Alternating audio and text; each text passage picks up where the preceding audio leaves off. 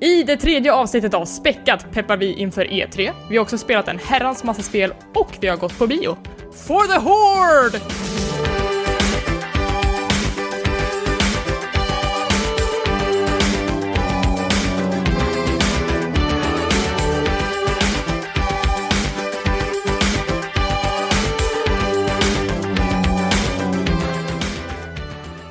Hej och välkomna till Späckat, en podcast om spel och allt runt omkring. Det här är det tredje avsnittet.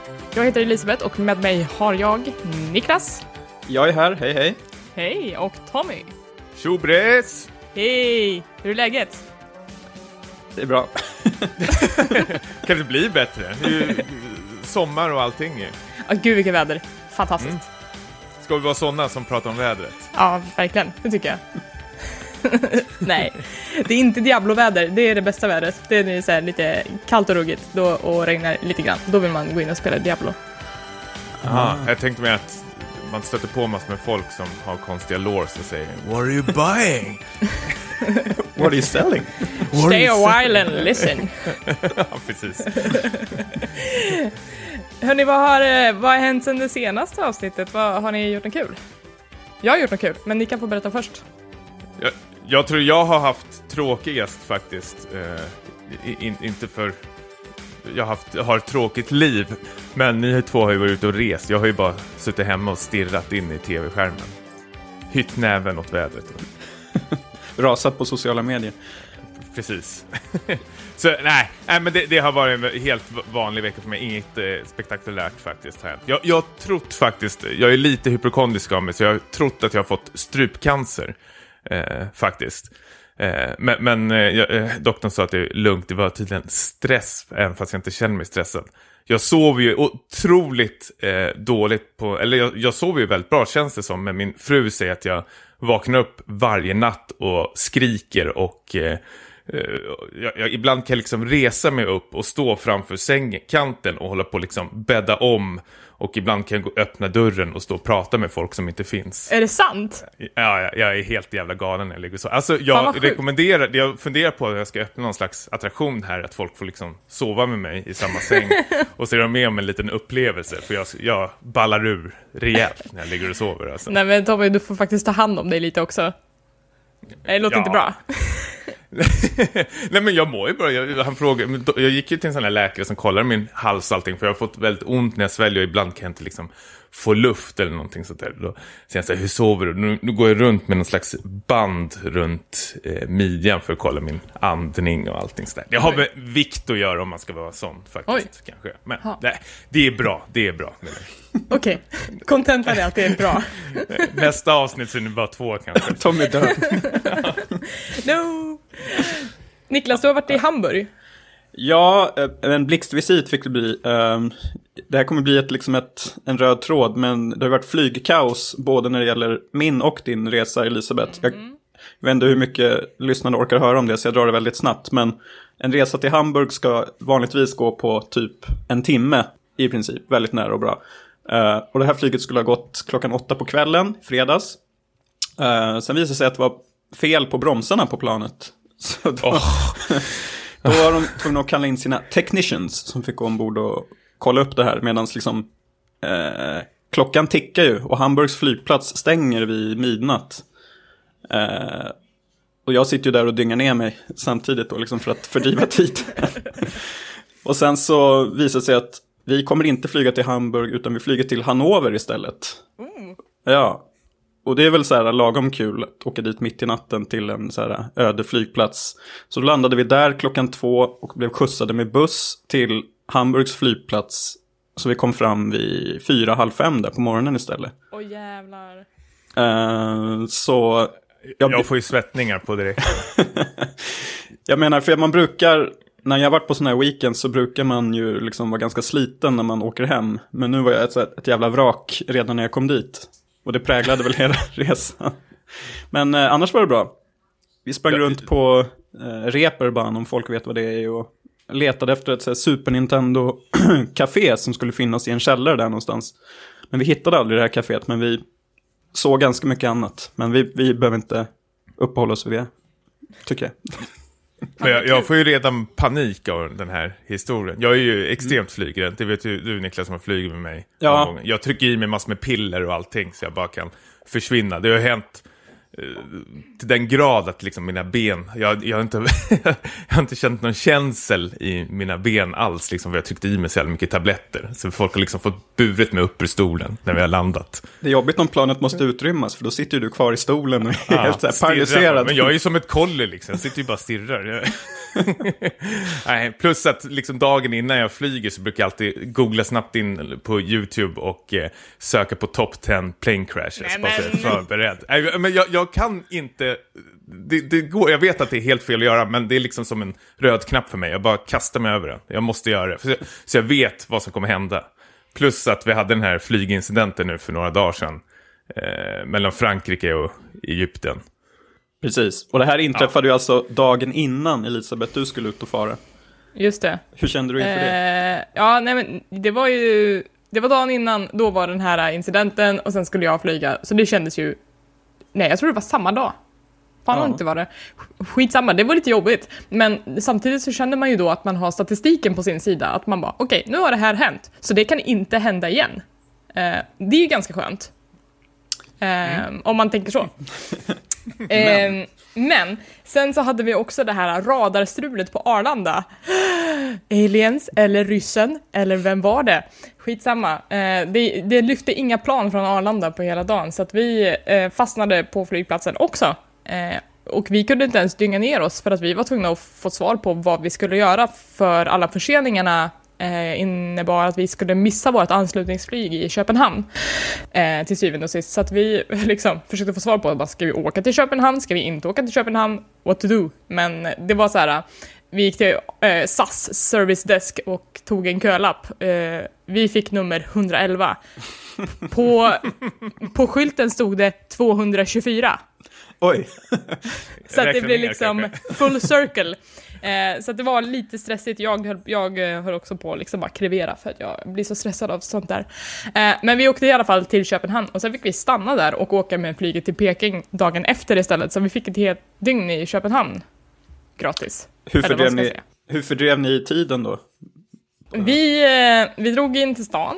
Eh, vi eh, promenerade lite på Ströget och sen så hittade vi en, ett brädspelscafé. Vi googlade faktiskt, vi bara, ska vi typ sätta oss på ett, på ett internetcafé och gibba lite? Men då hittade vi det här caféet som heter Bastard Café, eh, som ligger typ ett stenkast ifrån Ströget. Ehm, och där kan man gå in, sätta sig och betala 25 kronor per person och då får du låna alla spel i hela lokalen i, under hela dagen. Och det Jaha. var helt fantastiskt. Det var liksom en jätte, jättestor lokal. Det var brädspel på hela väggarna. Ehm, och så här, stora bord, mycket folk och sen så var det mycket så här öl, plockmat, café och sådana saker. Eh, och det var jätte, jättetrevligt. Vi var där i flera timmar tills det var dags att åka. Spelade ni mot några danskar då? Eh, var Nej. Nej, när vi kom så var det ganska tomt så att vi körde tillsammans. Eh, vi körde lite Dead of Winter och sen så körde vi några omgångar av Machikoro. Ehm, men sen så, allt eftersom dagen fortsatte och folk började så här, sluta jobbet så blev det liksom smockat där inne och det var alla sorters spelare. Det var liksom inte bara folk som spelade kanske typ Jenga, utan det var några som körde Codenames eller Cards Against Humanity och sen så var det några som satt med så här riktigt stora strategiska monsterspel. Så att det var verkligen alla sorters gamers i det rummet. Och det var jättekul att se. Shit. Det låter helt underbart ju. Ja, eh, jag saknade ett sånt där häng i Stockholm. Eh, verkligen. Finns inte det där borta vid, åh, är det typ Midsommarkransen-hållet det ligger någonting som heter Alfa-spel? Vet Ja, inte men det är, ju mer, längre. det är ju mer en butik. Ja, det det. Eh, de har ju eh, event på kvällarna, absolut. Det har ju Dragon's Lair också. Eh, Och sen så har vi också på Bishops Arms på Folkungagatan så har de spelbar varje onsdag då folk tar med sig egna spel och sitter och spelar i restaurangen. Och det brukar också vara supermysigt. Men det är ju inte riktigt samma sak som att spelen Nej. finns på platsen och det är bara att välja och vraka. Eh, men det, är klart att det finns. Det gör det. Och hur var Peking? Det var fantastiskt. Men eh, jag är ju där ganska ofta, jag har familj som bor där. Så att vi, eh, det börjar bli lite så här standard att man vet vilka ställen man går till och ja, man försöker mest catch up med lite olika grejer. Men hur, hur, ser spelkulturen ut där om vi ska komma in på spel på något sätt där? Eh, för jag tänker i Japan, som jag har bott i flera år, så är det väldigt mycket arkadhallar och eh, dels pachinko-hallar också. Mm. Det, det, är inte så jättemycket internetcafé de kör där borta, som i Korea kanske. Men hur, har, eh, hur är det i Kina? Alltså, Kina har ju först och främst en väldigt dålig internetuppkoppling, så att så här, multiplayer-spel, det tror jag är, det, det är svårt. Ehm, men samtidigt så finns det ju en ganska stor e-sportskultur. Det finns ju Dota-lag som, eh, som presterar väldigt, väldigt bra. Eh, jag, såg också folk på tunnelbanan som stod och kollade på League of Legends-matcher i telefonen. Eh, så det är klart att det, det finns i viss mån och jag tror att e-sporten blir större och större i Kina just nu.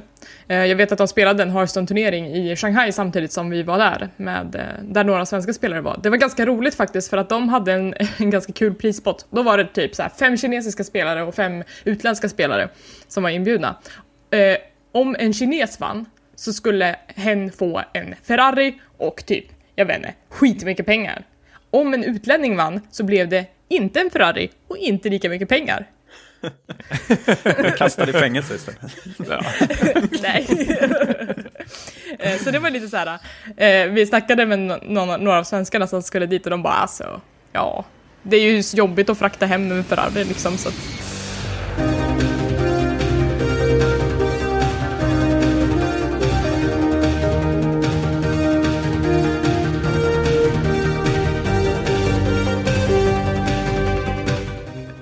Sweet.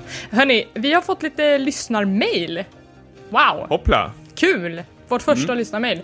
Ska jag läsa upp det? För det innehåller faktiskt en fråga till dig Tommy. fråga, hur är det med vikten? Tommy, hey, vad, fa vad, vad fan är felet på dig? Nej, här kommer mejlet.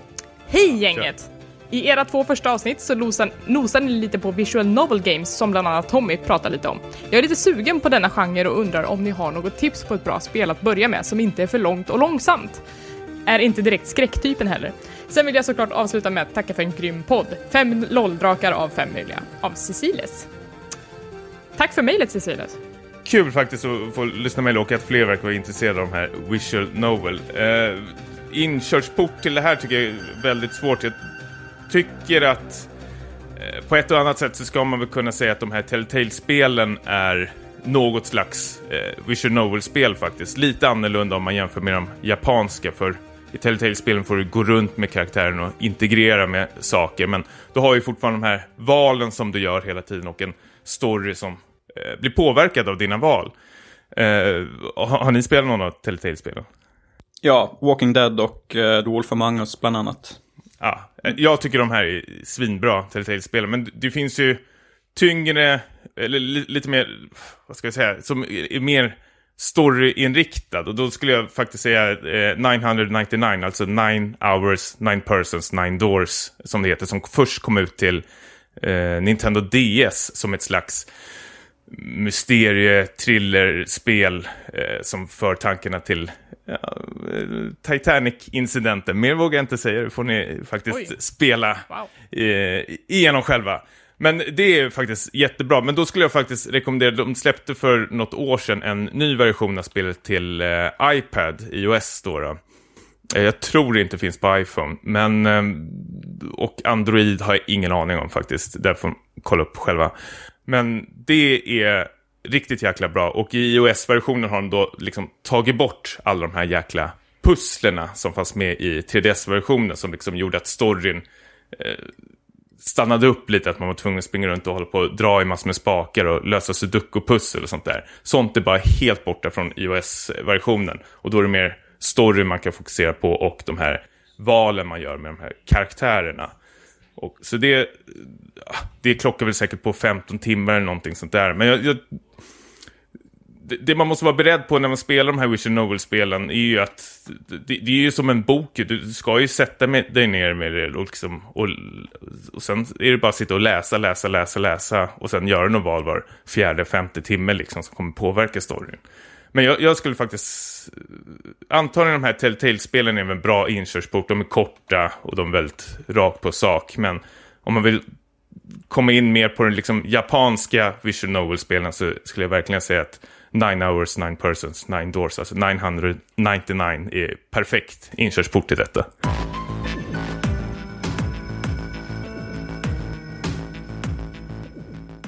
Hörni grabbar, snart är det dags för E3.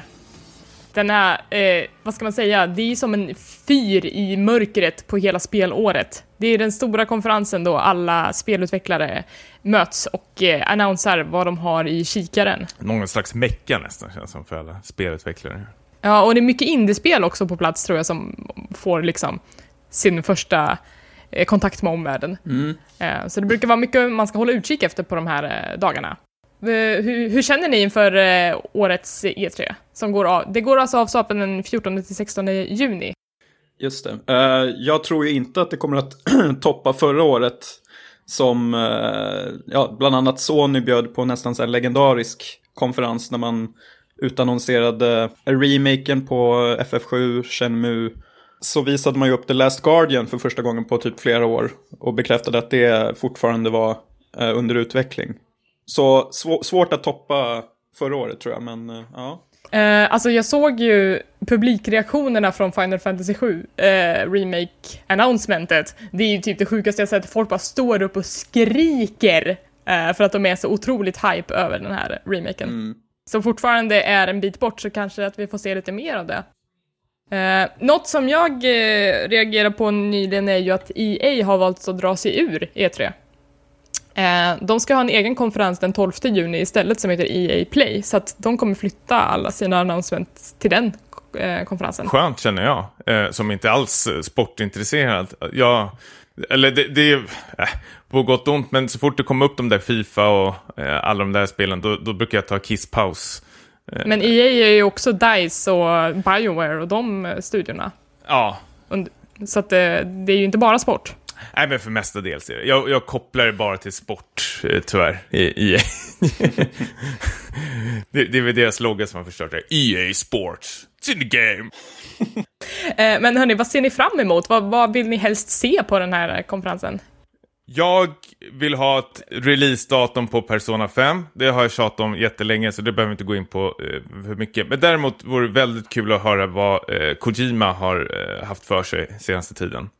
Faktiskt. Han har ju skaffat en egen spelstudio, han har gått Rogue, han har ju också släppt en 3D-version av sin eh, nya logga och det är folk som spekulerar i om det här kanske har med ett spel att göra eller om det bara är en logga. Ja, men självklart är det ju något, eh, han håller på och leker med eh, fansen hela tiden. Det finns ju alltid någon slags eh, små Easter eggs i hans eh, utannonseringar som man ska hålla på och plocka fram som har någonting med hans spel att göra. Han var ju på turné i Stockholm häromveckan. Eh, han, eh, eller han är ju på turné i hela världen egentligen. Han åker runt till en massa olika spelstudios och kollar in vad de använder för motorer för att han vill hitta den perfekta motorn till hans kommande spel. Eh, så att man såg så här folk från DICE och Mojang som stod och tog selfies med, med herr Kojima, Ja, för, bara för några veckor sedan. Konami har väl tagit över hela Fox Engine nu, antar jag. Så Ja.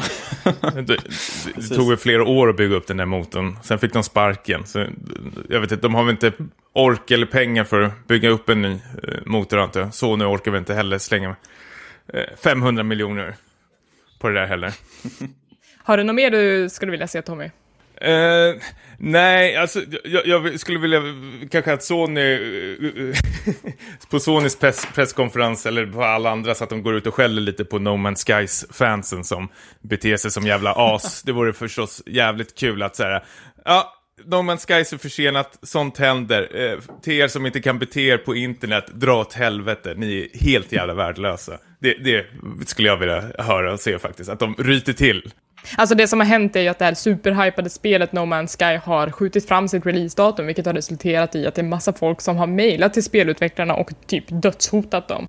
Ja, ja, ja, de har ju bemött det här på, på eh, väldigt speciellt sätt. Alltså det, det är ju aldrig kul att få dödshot. Eh, Ändå på deras Twitter så var det någon slags i- ironiskt meddelande. De skrev att eh, nu har de byggt upp studion som någon slags så här, Home grej Att de har satt ut massor med fällor och sånt där. Och Eh, visst, det kan man ju skratta åt, men samtidigt så tror jag det är väldigt eh, många där, särskilt han eh, Sean Murray, heter han, skaparen, eh, att det är väl inte kul att få de här eh, hoten och sånt där. Jag tror det var till och med Kotaku som kom ut med den här nyheten först, innan det var liksom Sony hade eh, gått ut med att det var sant. Och redan där började liksom hatmejlen trilla ner till Kotaku att det här är inget, det här är inget April Fools skämt, sluta hålla på så här. Så, eh, jag, vet, jag vet inte vad som är fel på människor när de har- be- beter sig så här. Jag, jag, jag tycker att, ja, okej, de behöver några extra månader för att liksom finslipa spelet. Jag tycker det är hur bra som helst. Att då skjuter vi upp spelet så får ni ännu bättre spel. Tror de att de kommer få spelet fortare?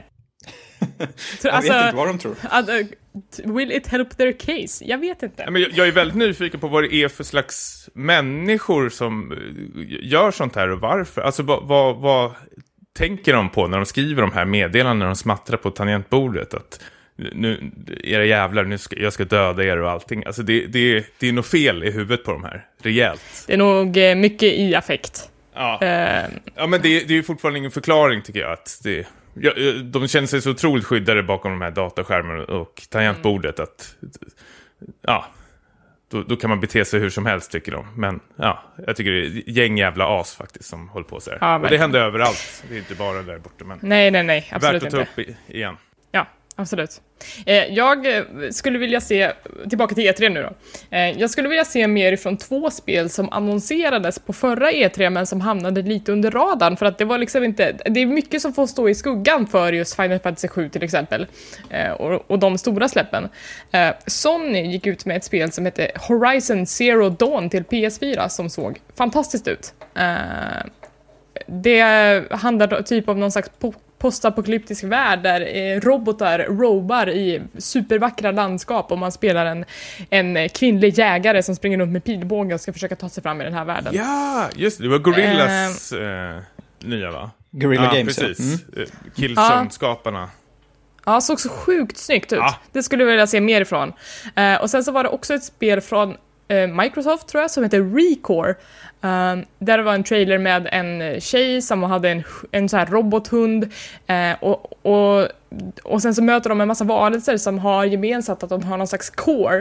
Eh, en, en lysande kärna av något slag som hon kan placera i olika varelser. Och det såg också så här svincoolt ut. Och jag är glad över att man vågar satsa lite på nya IPn som man inte um, har någon relation till sen innan utan att det faktiskt finns lite nya idéer där ute. Mm. Eh, så de två spelen skulle jag verkligen vilja se mer av. Hur tror ni om det här? VR har ju börjat komma in i folks hem nu. Kommer de, de slog ju lite på den stora trumman i fjol också. Hur- Kommer de fortsätta med det tror ni? Och vill, är det någonting ni vill se mer utav? Jag tror att de kommer slå på den trumman, men jag bryr mig inte. Eh, men alltså det, det kommer dröja så sjukt länge innan det här blir en liksom en, en så konsumentvänlig grej där som alla har. Ja, Det blir inte relevant för alla köpare än på flera år. är det är ju på tok för dyrt. Eh, Är det. I alla fall om man ska ha någon, eh, en- bra jäkel. Och ha en, då måste man ju upphotta sin dator och hela kittet ju. Och då går det ju ändå på i slutändan 14 papp. Eh, Ja men verkligen. Och vänner till mig som har provat de här, eh, nu kommer jag inte ihåg vad eh, Steams version hette, eller Microsoft, vad, Vive, Vive, så heter den. HTC Vive. Precis, och den hörde jag eh, vänner som har provat som sa, okej det här är sjukt coolt, och, men kommer du köpa det? Nej, aldrig i livet. Jag orkar inte sätta på mig den där skiten och koppla upp. Det är för mäckigt just nu, känns som. Eh, Niklas, vad säger du om VR? Eh, nej, men jag håller väl med er. Uh, vore väl kul att testa. Jag känner lite så, samma som för Ni- Nintendo Wii. Jag orkar inte hålla på med det här flaxandet och gå omkring och så. Jag, jag är för lite för bekväm av mig. Apropå det så vill jag dock faktiskt se vad Nintendo har med sig till E3. För det blir ju inte bara The Legend of Zelda eh, som det var sagt från början, utan de tar ju med sig en liten line-up. Eh, för det kommer ju, nu när NX har utannonserats först till nästa år så, så uppstår ju ett litet vakuum här nu under resten av året känns det som. Så jag vill se hur de tacklar den situationen. Och förhoppningsvis kanske vi får se mer av NX också. Ja, de har ju sagt att de inte ska visa något, men man kanske kan liksom dra sina egna slutsatser och fortsätta spekulera. Sen allra sist vill jag också ha ett eh, releasedatum på eh, Tacoma, alltså Gone Home-studions eh, kommande Ja. spel. Apropå indie. Eh, och så vill jag se lite mer från eh, CD Projekt Reds. eh, Cyberpunk. nya- Ja, precis. Efter The Witcher 3 här. Det är väl bara namnet som jag tycker det känns lite oinspirerat. Cyberpunk 2077. Just det. Skittråkigt. Men det finns ju tid att ändra på det kanske. Ja. Jag, jag, utanför det då som jag nämnde att EA har flyttat utanför, eh, men Mass Effect Andromeda, eh, det, jag kommer ju hålla ögonen på den konferensen den, den 12. Ja. Eh, Ja. jag, jag, vill, jag vill veta allt om det här spelet, som då har fått ett typ ett releasedatum i nästa, början av nästa år. Ja, jag ser fram emot att sitta upp mitt i natten och, och ja, kanske somna på soffan innan det börjar. Liksom. Det skulle vara så typiskt, men det kommer ju hända. Ja. Ja, Men vi, vi kan väl säga redan nu att vi kommer att ha ett, eh, till nästa avsnitt där vi kommer gå igenom eh, flipp och flopp kanske eller något liknande. Ja, det tycker jag. Plocka ut eh, det som var bra och dåligt ur E- E3.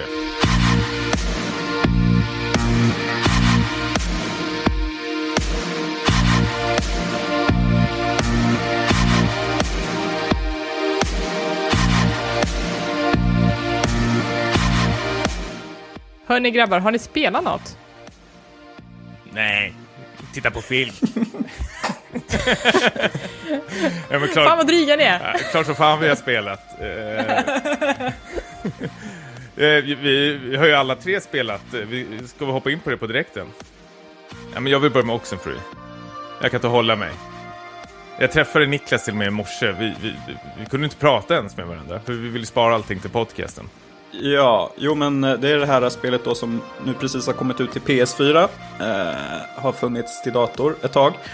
Handlar om ett gäng ungdomar eh, som ska då spendera helgen på en sån här eh, avlägsen ö som en gång var en viktig eh, militärbas i USA då, men numera mest liknar en liten så här, eh, vet inte, en militär kyrkogård på något sätt. Eh, och de märker ju snabbt att något står inte rätt till.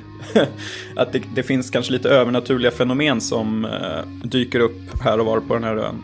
Och då blir det lite nästan där until dawn-känslan, att man ska ta sig levande eh, igenom natten fram till gryningen då, då man eventuellt då kan ta båten hem igen. Eh, premissen låter ju mer som ett skräckspel i stil med Until Dawn, men det är ju mer av en så här mys, spök, walking simulator. Slice of life. Eller vad säger du Tommy? Slice of American Ja. life. Ja, men den är väldigt, det är mer en spökhistoria än en skräckhistoria skulle jag säga. För, för en viktig komponent i det här övernaturliga är ju att man använder en transistorradio för att få in lite konstiga frekvenser. Jag spelade det här spelet när det kom till Steam eh, och tyckte väldigt mycket, mycket om det. Eh, och jag, just den här radiogrejen gör ju att det blir lite, lite creepy. Mm, det är lite så silent till. när det börjar knastra i radion vet man att det, det är något otäckt på gång, eventuellt. Jag, jag, får, jag får ju någon känsla att det, det här känns ju som om Spielberg hade regisserat Breakfast Club och John Carpenter blir en av medlemmarna i Boards of Canada och gör musiken till det. det, det, det är så Ja. otroligt eh, bra på många komponenter. Jag, jag tyckte det känns lite någon slags poltergeist-liknande eh, historia faktiskt. Men det är ju musiken och eh, karaktärerna som jag verkligen tok älskar i det här spelet faktiskt. Ja, otroligt välskrivna karaktärer. Alltså man blir ju ofta förbannad på hur folk skriver tonåringar, men de här var väldigt, väldigt trovärdiga och inte så himla dumma som tonåringar ofta framställs i den här sortens berättelser. Jag, jag älskar ju sån, alltså jag har ju, mi- mina tonår är, är ju tyvärr förbi. Så, i, så när jag sitter och spelar sån här spel, särskilt eh, fjolårets eh, Life is Strange, så drömmer jag mig väldigt mycket tillbaks till det här tonårslivet. Alltså det blir en sån otrolig eskapism eh, för mig, som jag tok älskar. Jag vill ju hänga med det här gänget och vara med dem. Jag tycker väldigt mycket om alla de här karaktärerna. Vissa tycker jag mer än andra, men liksom i det stora hela så tycker jag de är... Eh, jag vet inte, jag, jag, det känns som jag får ut väldigt mycket av dem och visst, storyn som utspelar sig på ön är ju, vad ska man kalla det för, main story då, då. Men samtidigt så har ju de här, alla karaktärerna liksom bakgrunder, de kommer ju från någonting, de har ju ett förflutet. Och det liksom nystas upp desto mer du ja, pratar med dem och kommer in i storyn längre in. Och det är det jag tycker är det viktigaste nästan, att de får lite kött och ben på sig. Spot on, det var lite det jag hade tänkt säga också. Jag, jag kan dock tycka ibland att de här uh, dialogerna mest mal på uh, mellan de olika figurerna. Men då tycker jag det är skönt att man, är ju, man har ju, uh, man spelar ju Alex, den här tjejen då som det kretsar lite kring. Och det går ju alldeles utmärkt att bara lyssna på vad folk säger. Och inte det, svara. Det, ja, men precis. för det står ju inte och, och stannar inte upp bara för att man inte ger sig in i konversationen. Men sen så kan man alltid liksom, det går ju utmärkt att bara välja när man ska bryta in och, och säga någonting som kanske styr i någon annan riktning. Det här är ju något helt nytt som jag inte har sett i eh, något annat spel liknande. Att om någon karaktär bara maler på om någonting som man känner att shit, det här känns inte så jätteintressant. Då väljer man något annat alternativ och så avbryter man dem och så börjar man prata om något annat istället. Som i verkliga mm. livet. Mm. Ja. ja, men det känns väldigt levande på det sättet. Uh, ett annat litet klagomål är att jag tycker att de... Eh, det känns som att de reagerar väldigt vant på, på det som inträffar. Det här med när det börjar komma spöken och, och folk, någon, utan att spoila för mycket så är det någon karaktär som kastar sig ut genom ett fönster och ja, de, de som bevittnar det här, de tar ganska lätt på det. Det är lite som att portaler till andra dimensioner, det är vardagsmat för det här gänget. ja. Vad vet du om det? det? Det kanske är det. Ja, det kanske det är. Jag tycker det är rätt så ja. skönt att de inte är de här, särskilt tjejerna då, att de inte är sådana här gap och skrik-karaktärer som får så här nervsammanbrott, som det oftast brukar vara i eh, sådana här skräckspel och filmer, eller populärkulturen överhuvudtaget. Utan här är ju liksom alla tar tag i det här äventyret och liksom går vidare och kämpar på ändå, känns det som. Ja, i Until Dawn så var det ju mer, då reagerade de ja, genom att drabbas av panik lite oftare. Ja. Men det tycker jag att alla gjorde to be fair. ja, jo men exakt. Ja, alltså det, det, har ju mycket gemensamt med Until Dawn egentligen, men de är ändå helt, helt olika. Mm. Ja, men det här är väl lite jag... mer indie eh, sättning ska jag säga. Känns lite Zac Braff kanske. Nej, jag vet inte. Det var dålig, dålig jämförelse. Steven Spielberg, eh, Breakfast Club var bättre kanske. Och sen, ja, det det. sen tycker jag att ändå att eh, spelet är värt att kolla in bara för att det är så himla mysig grafik. Um, det känns lite som en blandning mellan klippdockor och akvarell. Och väldigt fina, sombra färger. Jättetrevligt. Ja. ja. Och det är, precis, det, det, man kan ju klara det på kanske fyra timmar. Och sen går det ju bra att spela om. Det finns ju ett New Game Plus nu i den här Playstation-versionen som inte fanns tidigare. Så Tommy, både du och jag har väl börjat lite och testa att spela om? Ja, jag har ju stött på ett problem här eh, som fick mig att... Ja, det brann i huvudet på mig sista timmen i spelet så helt plötsligt så poppar det till i mitt eh, Playstation-fönster där det står att eh, New update, downloading, eh, patch 1.01. Så tänkte jag, ja men det här är väl trevligt. Och så laddar den ner i bakgrunden och sen kör jag igenom spelet sista halvtimmen och klarar det. Och så ser jag i huvudmenyn att det står ju Continuous Story eller något liknande. Och det är det här New Game Plus-grejen. då stänger jag av spelet och går och käkar eller något liknande. Men sen när jag sätter på det igen då har det liksom rebootat hela alltet när den här patchen har installerats. Så jag, får ju, jag har ju fått börja om från början igen. Oh, Allt som jag har gjort eh, försvann bara för att, ja, jag vet inte, den där patchen fuckade upp det rejält för mig. Trist. Så jag har faktiskt inte hunnit prova, jag sitter och spelar om det eh, igen nu faktiskt, andra sittningen sitter jag med nu. Och äh, jag, vet, jag älskar det fortfarande så jag gör ju inte så jättemycket. Men det var ju lite tråkigt att jag inte har än kunnat liksom ta del av den här New Game Plus-grejen. Men det har väl du Niklas? Väldigt hastigt, men jag gillar i alla fall att um, det verkar som karaktärer säger lite olika saker. Typ så ja men det här känns uh, bekant, har vi inte varit med om det här förut? lite typ. Och att saker som jag själv inte alls uh, fattade eller gjorde några kopplingar till uh, är nu helt glasklara när man har spelat i slutet. Och mm. förstår hur allting hänger ihop. Jag måste säga att sista halvtimmen tycker jag är helt otroligt bra. Det, det, lyfter spelet och liksom tar det till en annan nivå gör att man... Jag har sett att det finns ganska många typ eh, ja, internetforum som diskuterar saker och ting och symboliken i spelet, vad, vad vissa saker betyder. Um, så det är en spännande värld de har skapat. Det bygger ju lite löst på eh, något ställe i USA där som bombades av en japansk ubåt under andra världskriget och nu mest bara står helt öde och det sägs att det spökar där och så vidare. Så det, det finns en intressant historia som de har valt, en intressant plats som de berättar historien på.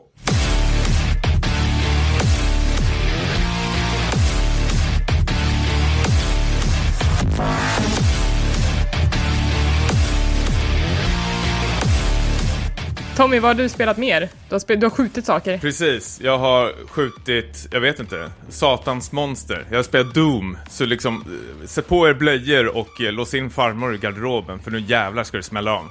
Det, det, det är väl lite den attityden, eh, jag tänkte på senaste E3 var det väl, de visade upp eh, Bethesda då, nya Doom-spelet. Att nu, nu jäklar blir det köttigt. Nu ska vi liksom rycka av armarna och eh, såga ihjäl monster så det bara står härliga till. Eh, jag vet inte, har, har ni de tidigare Doom-spelen spelat mycket av dem eller? Nej, jag har ingen relation till Doom överhuvudtaget. Jag spelade Doom 3 när det begav sig Ja. på min dator som var ny då. Så det var liksom det som skulle visa vad det nya grafikkortet gick för. Spelet som sådant var väl ganska mediokert, men ja, precis. Doom 3 fick vi väldigt mycket kritik för det var ju ett helt annat spel än vad de egentliga Doom-spelen egentligen ska, ska vara, tyckte väl fansen. Jag tyckte Doom 3 var rätt så kul. Det var en fräsch eh, tolkning på Doom, att man fick gå runt med ficklampa och det var lite mer skräckaktigt eh, faktiskt. Medan de två tidigare var det vanligt. Du, här har du en gevär, spring bara runt och skjut folk. Eh, tills du kommer till en skylt där det står exit. Och eh, nu har de ju tagit tillbaks det där har de ju sagt och eh, folk har ju blivit helt lyriska eh, av det här att det är precis som förr! Man skjuter och spränger! Eh, och det gör man, man skjuter som fan och du har ju de här eh, glory kills där du liksom går fram till en fiende, trycker R3 och så ska du liksom sprätta upp den här jäveln på ett eh, innovativt sätt liksom. Eh, jag känner ju redan efter en timme att jag blir så otroligt jävla mätt på det här spelet eh, på direkten. Jag förstår inte alls hyllningarna till det här. Självklart kan jag, alltså folk som säger att det är väldigt skönt att bara sätta sig ner med det. För det, de gör ju väldigt klart för sig i början att storyn är ju väldigt sekundärt i det här spelet. Man får ju ett sånt här klassiskt radiomeddelande i början där det är någon galen professor som ska förklara hur läget ligger till och då tar den här domkaraktären sönder radion och kastar in den i väggen. Skit väl jag i! ja, men precis. Jag vill bara ut och döda. Han känns som typ någon jävla över fotbollssupport eller någonting som liksom fått anabola i sig, ska ut och jävlas. Men, men, men, men alltså jag har förstått så är storyn att man har, man har frackat i helvetet. Och att det på så sätt har typ så här fuckat upp. Ja, det har bara ballat ur. Man vaknar ju upp i... Och det är jätteroligt att man har frackat i helvetet. Men sen, är du, sen springer du bara runt i, jag tycker miljöerna ser exakt likadana ut. Det är liksom tokrött överallt och liksom lite stålgångar och sånt där. Det de har lagt till som är lite nytt är det här eh, RPG-elementet att du kan få lite så här skill points där du kan uppgradera dina vapen eller armor eller något liknande liksom. Men liksom spelsättet hur du spelar, det är liksom att du måste vara i rörelse hela tiden och bara skjut allting tills det inte finns någonting kvar. Och eh, det, det, det är helt, det är helt okej, okay, men jag känner att det inte, det, det känns ju inte något nyskapande, det är inte, det sticker ju inte ut, tycker jag verkligen inte, än de här andra FPSen. Jag är ju väldigt kär i Half-Life och de som jag tycker tog ett nytt steg eh, i FPS-genren då. då. Där, där du fick en tung story. Men det är, ju, det, mm. det är ju det Doom inte vill. Doom vill ju gå tillbaks som det var på 90-talet, så man ska få det här nostalgiruset. Men jag känner att det är ju samtidigt en epok, eller en shoot up eh, epok som jag är helt klar med. Jag, jag vill ha story.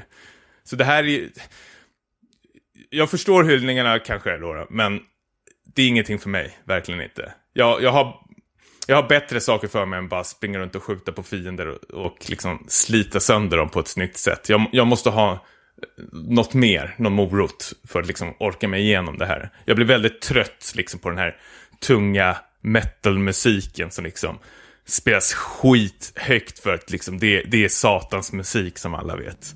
Men alltså det, så, alltså det du säger, jag tycker inte det låter som en dålig sak, något av det. Jag tycker det låter jätteroligt. Jag skulle vilja prova det här. Ja, men det är kul i, i så här, 30 minuter, 45 minuter, men sen när du gör samma sak hela tiden så börjar du tänka på annat och alltså allting går ju bara som ett flöde hela tiden. Du bara skjuter, skjuter, skjuter, skjuter, skjuter liksom. Det finns ingen taktik eller någonting i det. Jag bara kastar granater på då har jag ändå skruvat upp få- svårighetsgraden på svåraste nu ändå. Så, ja, ja, ja, ja det är ingenting för mig faktiskt. Har, Ett nja från dig. Ja, verkligen. Jag, jag, jag ser inte tjusningen i det. Fan, det låter som en sjukt kliven här, men... Nej. Jag vet inte, jag tror inte. Vad, hur, vad tror ni då? Är ni peppar på det här? Jag har hört mycket lovkörer och jag tror att det skulle vara kul att prova, men det blir ju inte en prioritering ändå, för att jag, jag tror ändå att jag eh, får mer ut av story, storybaserade spel. Mm. Det skulle vara kul att prova, men jag vet inte om jag kommer lägga full pris på det liksom. Jag kanske väntar till en Steam-rea. Ja, det skulle jag faktiskt. Om man är ute efter story och inte så jätteförtjust i sån här där det bara rail shooting där det ska bara smattra på folk, då kan du lika gärna vänta tills det blir lite billigare faktiskt. För det, det är ju otroligt snyggt, och, eller otroligt snyggt är det inte kanske inte, men det, det ser bra ut och det är coola effekter och sånt där. Men det, sen är det ju samma sak igen igen hela tiden. Liksom. Och jag vet inte hur långt det här spelet är, men nu när jag har spelat kanske tre fyra timmar så är jag ju redan väldigt mätt på det faktiskt. Och har lagt åt sidan för tillfället. Till förmån för Overwatch. Ja. ja, Tommy. Ja, Elisabeth. Ja, Tommy. Vi har spelat Overwatch jättemycket. För nu har det ju faktiskt kommit. Ja, Förra, förra gången vi, vi spelade in så var det ju bara i beta. Eh, men nu har ju spel, spelet har kommit på riktigt. Wow. Precis. Spel. Eh, Ja, jag, jag är helt... eh, Jag, jag, det här är bland det... eh, Apropå FPS nu, det här är bland de bästa FPS jag har kört på väldigt, väldigt, väldigt, väldigt länge faktiskt. Det är otroligt snabbt, som vi pratade om förra avsnittet och det händer ju väldigt mycket på skärmen och det är otroligt jäkla kul att spela med ett gäng vänner faktiskt. Alltså alla och deras farmor spelar Overwatch nu. Jag vet ingen som inte spelar Overwatch, förutom du, Niklas. ja, men eh, Nej, men det har ju Och jag gått- känner att det är dags. Det har ju gått så långt för mig nu att jag till och med ändrat min bakgrundsbild på telefonen där jag har Diva nu. Eh, som fick ersätta bröllopsbild på min fru. Eh, det, det har ju mottagits lite där här hemma. Eh, eh, och även att jag har börjat kolla upp de här dockorna och, och sånt. Jag vill, det är några karaktärer som jag vill ha i, i mitt hem som eh, statyer, dockor och liknande. Faktiskt. Så jag, jag älskar äh, alla de här äh, karaktärerna och nu har jag liksom börjat vänja mig vid några som jag tycker om och då har jag hoppat in nya karaktärer och börjat lära mig dem. Det, är- jag vet, det finns otroligt, det är lätt att komma in i men det finns otroligt jäkla djup i alla de här karaktärerna, hur man kan spela dem. Bara innan podcasten så fick du ge mig lite tips. Eh, bara, bara innan podcasten, alltså vi spelade in ganska tidigt på dagen. När jag vaknade, innan sambon och katten hade vaknat, så satte jag mig och drog några games. liksom bara, nu, nu ska jag köra. Men hur, hur känner du när, när man sitter själv med det faktiskt? För jag tycker faktiskt, det är, det, som jag sa förra podcasten också, det är ju där största problemet är. Eh, då, jag kan bli helt tokig när jag sitter och spelar själv nu har jag märkt. Ja, alltså det är, det är absolut roligast att spela med kompisar för att eh, du har liksom kommunikation, du kan säga vad du vill, säga åt laget vad de ska göra. När man kör med randoms, det finns en in-game voice chat men det är ingen som använder den. Eh, jag har hört en kille använda det en gång. Använt och, han, en och gång. han var bara tjurig. Eh, Nej, men så att, så här, visst, visst är det så att man hamnar med folk som inte anstränger sig så mycket för att vinna alla gånger. Men jag tycker det är fine, det är bara att liva och hitta en, ett annat gäng att spela med då. Men jag tycker att det, så här, stämningen är mycket bättre i Overwatch än vad det är i andra multiplayer-spel. Folk har inte riktigt hunnit bli så toxic som man är i till exempel, jag menar CSGO. Ja, jag, jag tror det har väldigt mycket med att eh, du, när du dör så är du ju borta kanske bara 5-6 sekunder. Så folk har inte liksom tid att börja smattra på tangentbordet. Om man jämför med de här Moba-spelen i sista akterna när du dör där så eh, är du ju borta nästan en minut. Och då, då, då kan de ju sitta där hur länge som helst och bara skriva liksom, rader av eh, vad de tycker om spelare och allting, vad som bör se bättre. Men här går det ju så otroligt snabbt hela tiden, så det är ingen som hinner liksom hålla på och gnälla och klaga känns som. Så jag tror det finns uh, väldigt mycket haters, men att de inte har tid att skriva för de måste ut och börja smattra vidare. ja, men precis. Uh, nej, uh, men jag tycker att det är helt okej att spela själv, men det är absolut roligast att spela med kompisar. Vi, jag hade en av de bättre spelupplevelserna, både med dig och eh, för någon dag sedan. Först när vi spelade alla, allihopa Torbjörn på någon bana. Det var, det var bara helt sjukt, alla smottrar upp sina jävla turrents där. Och sen körde vi en bana där vi skulle eskorta en sån där bil. Och då skrev någon All Winston. och då körde alla Winston och sprang runt som apor och så sitter jag och några vänner i Skype då och det händer någonting med oss. Vi börjar liksom... Oh, oh, ah, ah, ah, det blir bara ett sånt jävla oljud hela tiden, apljud. Och då åker den här voice chatten igång i gamet och då börjar de också skrika apljudet så det, det, jag vet, det var helt underbart faktiskt. ja, nej, jag, för jag har nog aldrig skrattat så mycket åt ett multiplayer-spel som jag har åt Overwatch. Det är verkligen superduper dunder kul.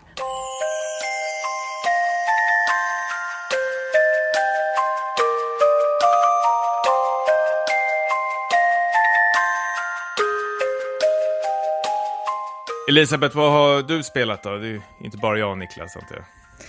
Eh, jag har inte hunnit spela jättemycket eftersom jag varit bortrest. Eh, men jag, jag, tog ju med ett spel i min 3DS som jag skulle ha som resespel eh, och det blev J JRPG. Bravely Default Flying Fairy till till då 3DS. Tungt spel uh, att ta med som resespel, känner jag. ja, nej men det är ju så 60 plus timmar, men jag tänkte att det blir så långa flygresor och då kommer jag inte ha något att göra, men jag somnade ju och sen så tittade jag på film på planet såklart. Uh, men men jag, jag fick in eh, en, ett helt gäng timmar ändå.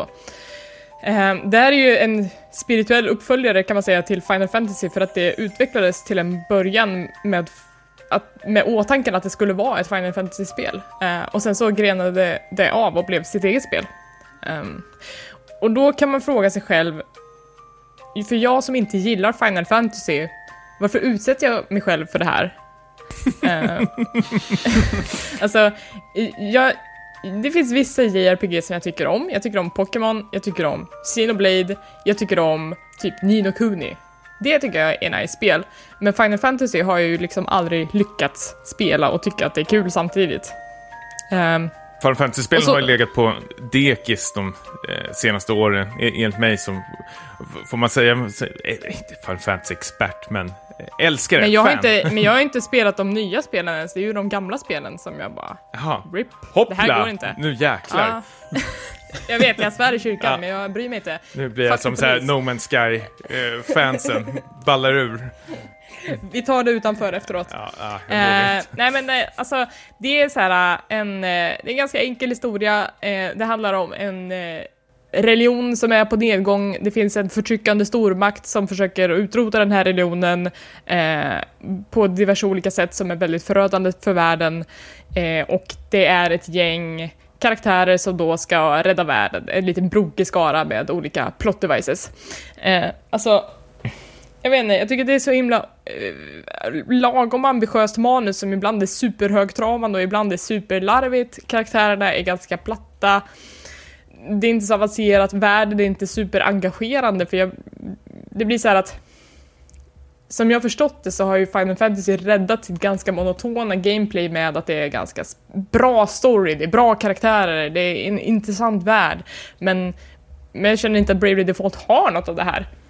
Eh, det som jag har tyckt om de tidigare Final Fantasy-spelet är ju att du har haft en bra skurk, eh, framförallt. Eh, Kefika och eh, Sephiroth i Final Fantasy 6 och 7 är ju otroligt eh, karismatiska. Kefika var väl löst baserad på Jokern till och med, vilket säger rätt så mycket hur, hur han beter sig i spelet.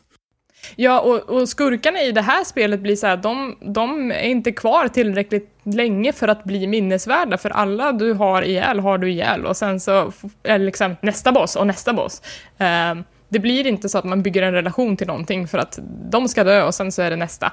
Det som skiljer Bravely Default lite från eh, Final Fantasy som jag förstår det är att det, man har olika jobb som man kan ge sina karaktärer så att du kan välja när som helst att byta så att eh, en kille kan vara munk eh, eller mage eller super, supervanliga klasser och sen så finns det lite konstigare klasser som typ pirat och vampyr kan du tillskriva dem när som helst, bara byta. Eh, sen så, det blir grindigt fort.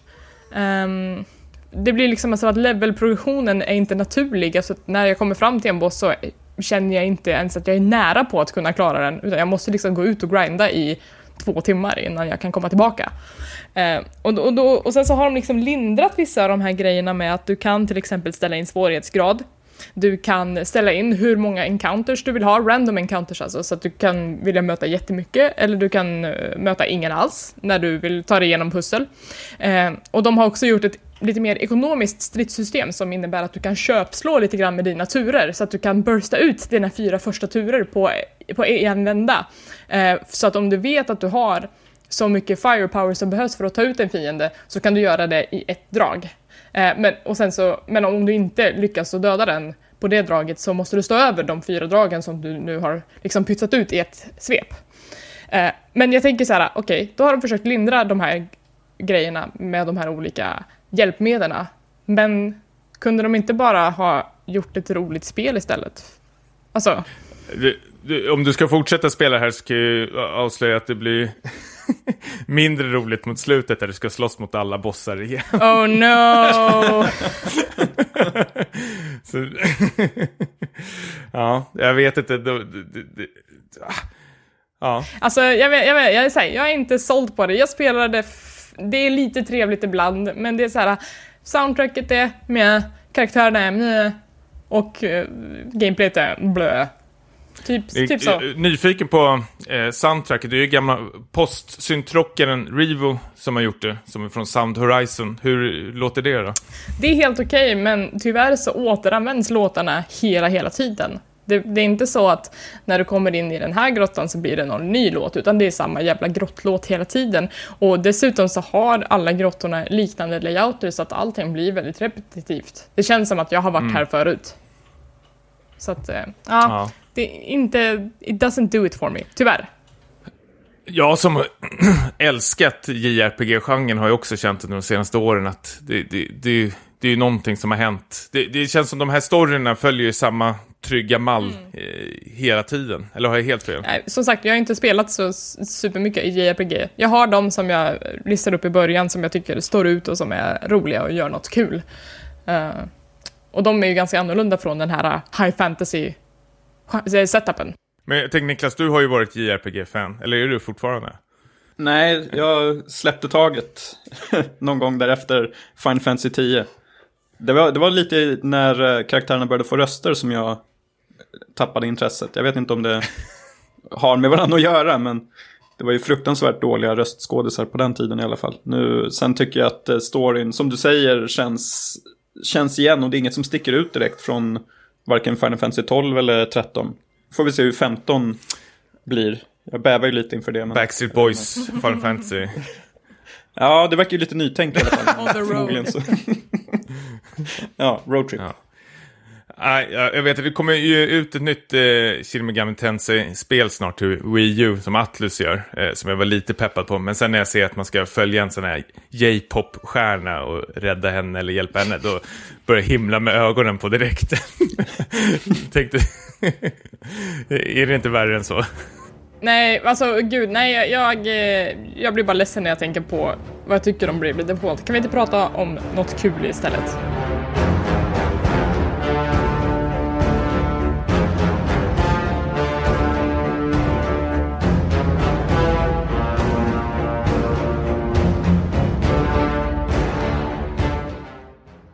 Vi, vi ska prata om Warcraft-filmen, det är ju det här stora, stora mega, megasläppet. Som liksom, det är årets film i spelsammanhang nästan va? För det kommer väl inget annat? Det är Assassin's Creed i julen men det här är väl snäppet större ändå. Mm. Vi, vi, vi, kan ju börja, tycker jag, som mest intressant eh, när man fick höra att det här projektet drogs igång. För, förutom att Uwe Boll har väl försökt eh, dra i trådarna på Blizzards kontor och vill göra den här filmen. Eh, han har väl inte så jättebra Eh, eh, nej, precis. Man känner på direkten att det luktar kalkon när han kommer in i rummet. Men eh, det gick ju till eh, David Bowies eh, son, eh, Zoe Bowie, alltså Duncan Jones, som han har bytt namn till, som har ett väldigt bra film. Han har ju inte släppt så jättemycket, med Moon och eh, Source Code har han gjort, som jag tycker väldigt mycket om. Och därför, ja, Moon var grym. Ja, otroligt bra filmer. Där har han valt även Clint Mansell som kompositör och allting. Det är väldigt för finsmakarna känns det som. Eh, så därför, liksom, hickar man till lite när man hörde att han skulle hoppa på den här uh, Warcraft-filmen. Det känns som otroligt eh, kontrast. Eh, och man kan väl spekulera varför han gjorde det egentligen. Om det är han är ju bobbare. Ja, alltså är det inte så att han måste säga så? Eh, det vore ju katastrof om man hade sagt så här, eh, jag har ingen koll. Alltså. Nej, jag tror, jag tror han är bobbare. jo, men det är han väl säkert. Men ja, de måste ju säga det. Är det? Nu är jag väldigt cynisk här kanske, men ja. Eh, men, och då var det ju den här eh, spektakulära CGI-festen eh, nästan. Ja, alltså mm. grejen med det här är ju att CGI är inte supertät i den här filmen. Ska vi verkligen börja i den änden? Ja, det gör vi. Eh, men eh, Blizzard gör ju väldigt, väldigt snygga cinematics. Eh, kun, jag tänkte att kan man inte bara hålla det som CGI hela filmen istället för att göra den här blandprylen? Eh, precis, för det blir väldigt konstiga kontraster. Alltså, eh, öppningsscenen ser ju otroligt snyggt när man ser de här närbilderna på orcherna. Det, mm. det är bland det snyggaste jag sett eh, faktiskt på duken. Men sen när de här äh, mänskliga karaktären står bakom de här äh, green screenen, eh, jag tror det börjar när de är bland dvärgstaden. Nu, nu ska jag bara säga att jag har knappt spelat någon WoW eller någonting, jag är inte jätteinsatt i de här städerna, vad de heter och allting. Men då ser man ju tydligt att det är ljuskontraster som vanligt, att de känns väldigt inklistrade i den här bakgrunden. Mm. Och då liksom kommer man tillbaka till biosalongen igen. Tänkte så här, aj, aj. det här såg ju för täkigt ut. Nej, men jag håller verkligen med om att Orcherna är det som eh, känns mest imponerande. Det, jag, jag, det påminner mig lite om när jag såg Dawn of the Planet of the Apes häromåret. Att det var aporna var betydligt mer övertygande än vad människorna var. De kändes otroligt endimensionella och eh, ointressanta. Och det är samma sak här. Mm. Om man tar som exempel eh, Dominic Cooper i den här filmen som spelar den här eh, konungen med peruk och hela köret. Han, jag börjar ju mer tänka på Monty Python and the Holy Grail än riddarna där. Så. Men han har otroligt tom blick bara hela tiden. Han är inte så majestätisk. Nej, han, Nej. Är inte, han har ingen pondus överhuvudtaget, så det är jättekonstigt. Och det här tycker jag är så konstigt med Dominic Cooper, för när vi såg den här så tänkte jag så här, shit, det här är så otroligt dåligt skådespeleri alltså. Och eh, dagarna efter så såg jag honom i Preacher, där han är med och spelar huvudrollen. Och där är han helt uh, underbar. Så jag vet inte vad som har hänt här egentligen. Mm. Spelar han, har inte han spelat, han kanske inte spelat World of Warcraft? Nej, jag förstod inte manuset. Om man ska dra lite kort alltså, det, det som filmen handlar om är ju, vad jag förstått, det första Warcraft-spelet, att man försöker gå tillbaka till början, för den heter ju Warcraft the beginning, eh, där man vill berätta liksom början av den här otroligt stora lore-härvan som Blizzard har byggt upp i över tio års tid nu. Nej, det är ju mer det är, nu, ja, tio år, det är ju bara World of Warcraft, sen, det är ju de gamla, gamla spelen vi snackar om nu. Uh, och då handlar det om hur orkerna tar sig från Draenor till Azeroth för första gången genom den här, här portalen som den onda warlocken Gul'dan skapar med hjälp av följdmagi. Um, och hur då människorna hanterar det här, den här invasionen som stundar. Precis. Um, och så slänger vi på en drös med fanservice och blinkningar. Ja, mycket, mycket, fanservice. Ja. Alltså, jag som är intresserad av work, Warcraft, Warcraft-låren, eh, tycker att, alltså jag blev ju intrigued. Filmen har jättemycket eh, svagheter, alltså otroligt mycket, men jag kände ändå när jag gick därifrån att jag bara, när kommer nästa film? När kommer nästa film? Eh, jag vill se Lich King, jag vill se Illidan, jag vill se Malfurion, jag vill se allt, jag vill se Sylvanas, alltså jag vill ha alla filmerna på en gång. Det spelar ingen roll hur, hur, eh, liksom, hur mediokra de än är, bara de inte är skitdåliga så vill jag ha allt. Men, precis, alltså det bygger ju upp kan vi redan säga nu, till en uppföljare. Och det, det, den känns ju tusen gånger mer intressantare eh, faktiskt, vad, den kommer barka åt. Plus de här karaktärerna du nämnde, Illidan, och så har vi även Thrall som säkert kommer vara med och allting. Moses i vassen. Ja, verkligen. Men ja, ja, jag vet inte. Jag, jag- jag tycker det känns... Striderna när de håller på att slåss mot varandra, det, det är lite den här... Jag får lite eh, Pixar-känsla av dem. Att det är nästan liksom gummiklubbor de använder, orcherna. Att de liksom, människorna liksom studsar runt som Bumbibjörnar när de får de här slagen på sig. Den, den känns inte så kraftig och köttig i, i regin och hur de beter sig, tycker jag. Nej, och jag tycker att relationerna eh, som de försöker bygga upp mellan karaktärerna också känns väldigt ytliga och, och lite tjohornade för att de försöker få till någon slags romans där och då blir det, den blir väldigt malplacerad när någon kommer och bara din fru, nej inte din fru, din son har just dött, ska vi hångla? Det blir så här, eh, bara väldigt dålig timing. Jag märkte också när vi såg den, när eh, Dominic Coopers karaktär ska gå ut i strid så börjar han prata till ett litet barn och nämner honom vid namn och då hör jag att det är ett sus i publiken. Jag sitter ju där som ett stort frågetecken och känner så här, nu, nu, det här Varian barnet... Bryn. Ja, tack. är det, är det, det är någon superviktig karaktär antar jag för Warcraft-låren. Ja, absolut. Alltså det här är ju flera generationer tillbaka. Man ser så här bara, åh, han är farfar till den där och han är pappa till den där. Wow! Ja men på, verkligen, jag, jag kan ju förstå varför man blir tillfredsställd om man är inbiten Warcraft-fan. Men samtidigt har jag hört att det är väldigt många griniga fans där ute som eh, hållit på och gråtit sig till det här att de har hållit på och ändrat i låren och så där ska det ju inte vara och hej och hå. Fast Eh, nej. men känns inte det- ja. Alltså, när, när Blizzards VD står som eh, producent och, och en till som exekutiv, alltså producent, Mm. då blir det så här, eh, om de har gett sin blessing, då är det kanon nu.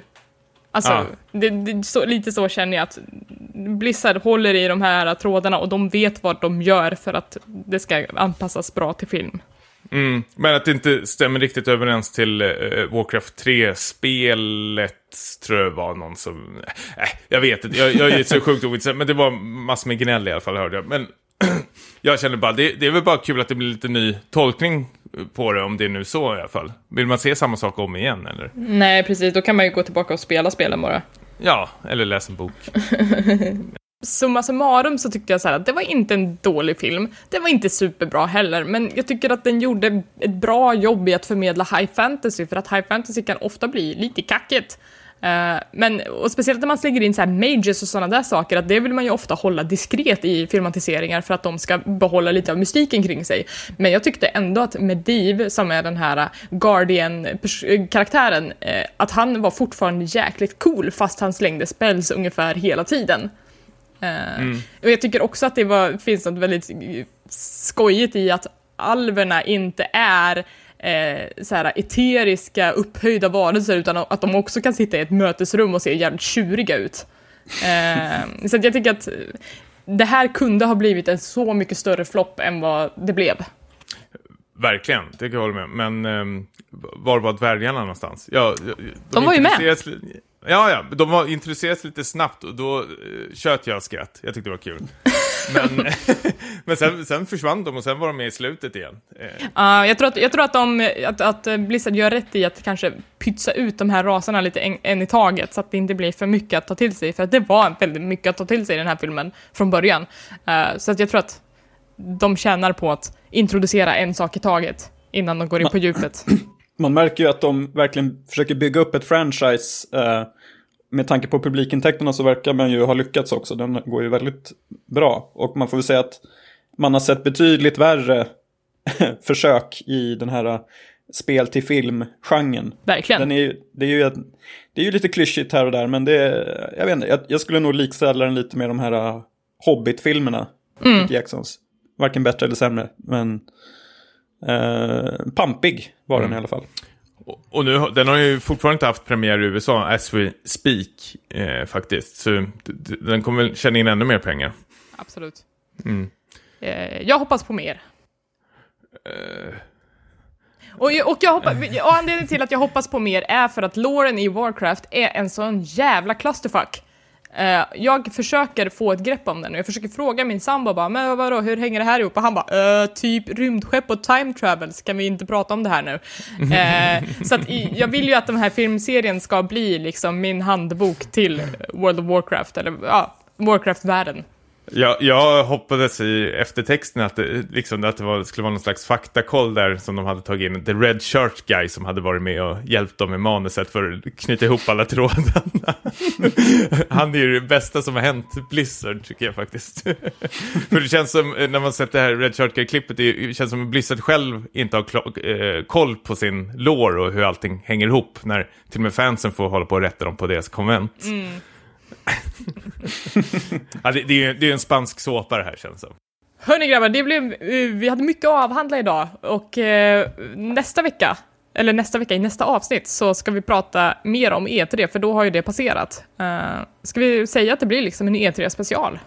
Jo men precis, jag tycker vi ska dra fram våra personliga listor där och liknande, vad vi tyckte var bra, dåligt och ja, vad vi vill se mer av kanske. Om ni vill ha mer av oss så kan ni följa oss på olika sociala medier. Vart hittar man oss? Niklas? Uh, ja, antingen så kan man kolla oss på Twitter och Instagram där vi heter Späckadpodd. Man får gärna mejla, vi vill ha mer lyssnarmail. Späckadpodcast.gmail.com Och det är alltså späckat med två C och podd med ett D. Yes. Uh, mig kan man också hitta på Niklas Lundqvist, Lundqvist, Lundqvist på Twitter och uh, One Less Niklas på Instagram. Tommy? Ja, jag finns på Twitter på Tommy Jansson. Där jag twittrar febrilt om hur det går eh, i Overwatch just nu. Och eh, på Instagram så heter jag Stimpas där det är bilder när jag får sprutor innan flygresorna. Jag heter Hangry Eli på Twitter där jag postar dank memes och på Instagram heter jag Hangry Spice där jag postar bilder på min katt. Eh, tack för den här gången. Vi hörs igen snart. Älskar er.